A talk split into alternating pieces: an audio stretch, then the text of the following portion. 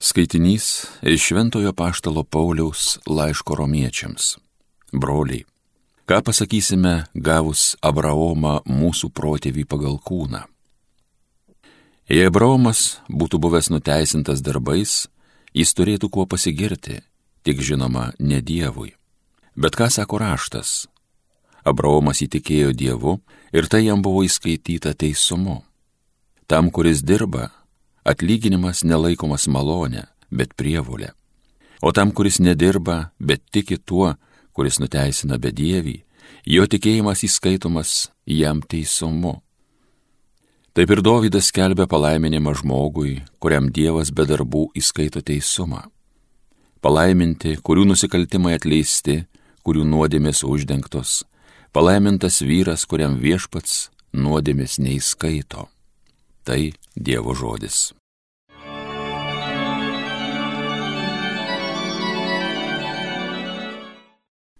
Tu prieglauda man išgelbėjęs džiaugsmais apipinsi.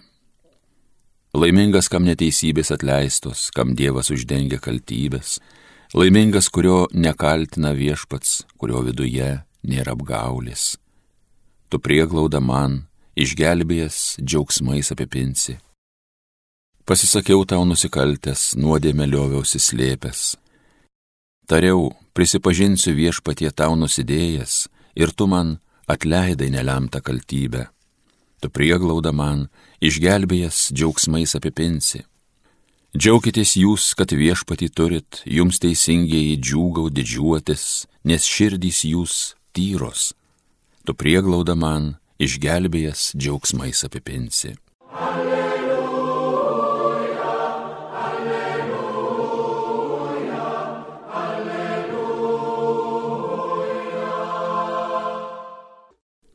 Viešpatie, būkite mums gailestingas, mesgi taip tavim tikim. Alleluja, alleluja, alleluja. Pasiklausykite Šventojios Evangelijos pagal Luką. Tuo tarpu susirinko tūkstančiai žmonių, kad vieni kitus trypė Tada Jėzus pradėjo kalbėti pirmiausia savo mokiniams.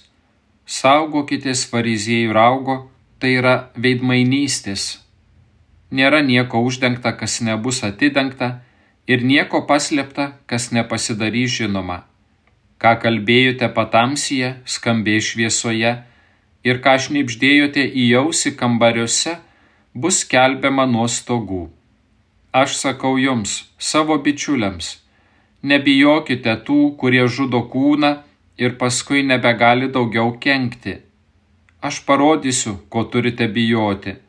Bijokite to, kuris nužudęs turi galę įstumti į pragarą. Taip, sakau jums, šito bijokite. Argi ne penki žvirbliai parduodami už du skatikus? Tačiau ne vienas iš jų nėra Dievo užmirštas.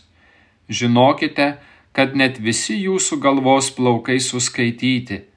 Tad nebijokite, jūs vertesni už daugybę žvirblių. Tai viešpaties žodis.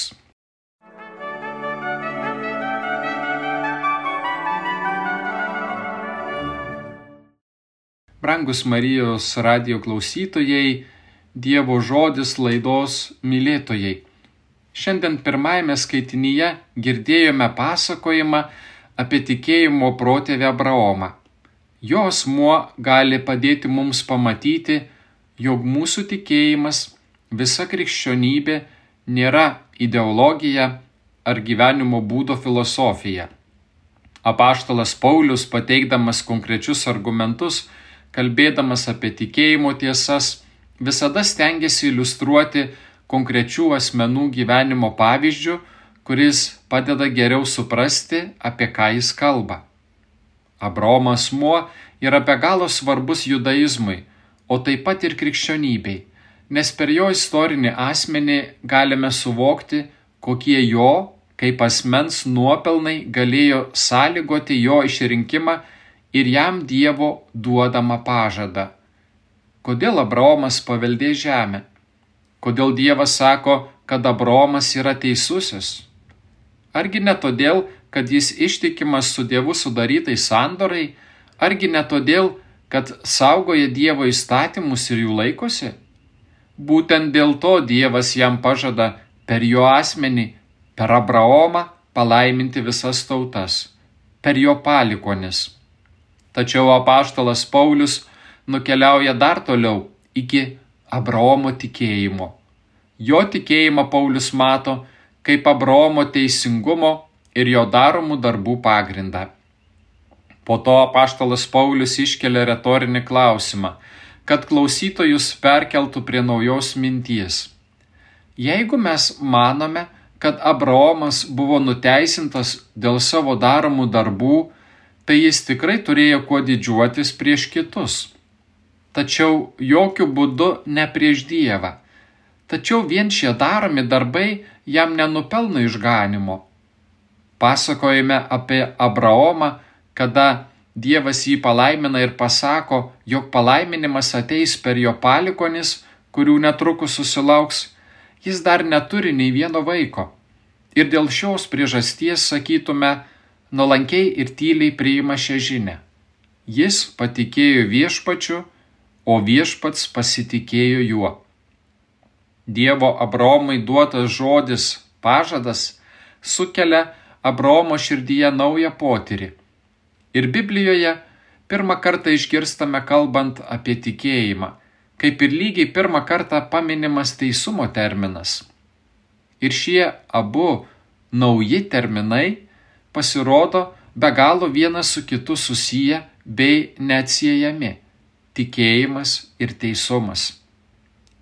Tačiau jeigu pažvelgsime į šiandieninį pasaulį, dažnai žodis tikėjimas moderniojo pasaulio žmogui reiškia neiškumą ir abejonės.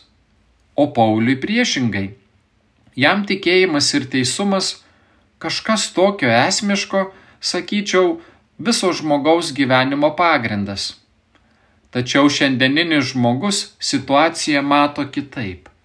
Dažnai netgi žodynuose pasitaiko apibrėžimų, kurie terminą tikėjimas pristato tarsi sinonimą žodžiams nuomonė, prielaida, baimė, palaikymas, manimas. Tačiau biblinėje kalboje šis žodis kyla iš hebrajiško žodžio aman. Krikščionys liturgijoje dažnai naudoja iš jo kylantį maldo žodį amen, kuris reiškia solidarumą, saugumą, stabilumą tokį, kokį suteikia atsiremimas į granito uolą, pamatų tvirtumą tokį, kuris užtikrina ant jų statomo statinio tvirtumą.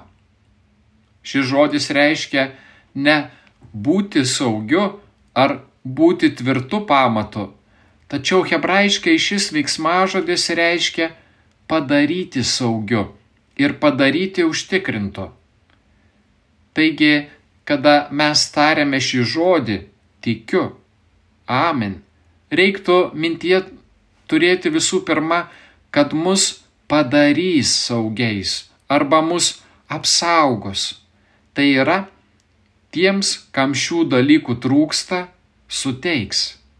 Suteiks tiems, kuriems tokio pamato stinga suteiks visą to žodžio talpinamą turinį - aman.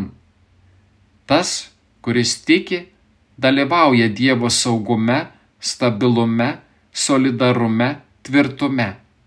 Tikintis žmogus tai gauna į save, jam Dievas suteikia.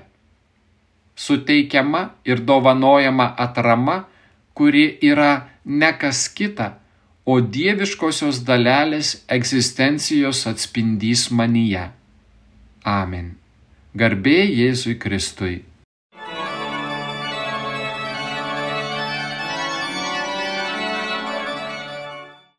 Evangeliją skaitė ir homiliją sakė kunigas teologijos mokslų daktaras Andrius Vaitkevičius.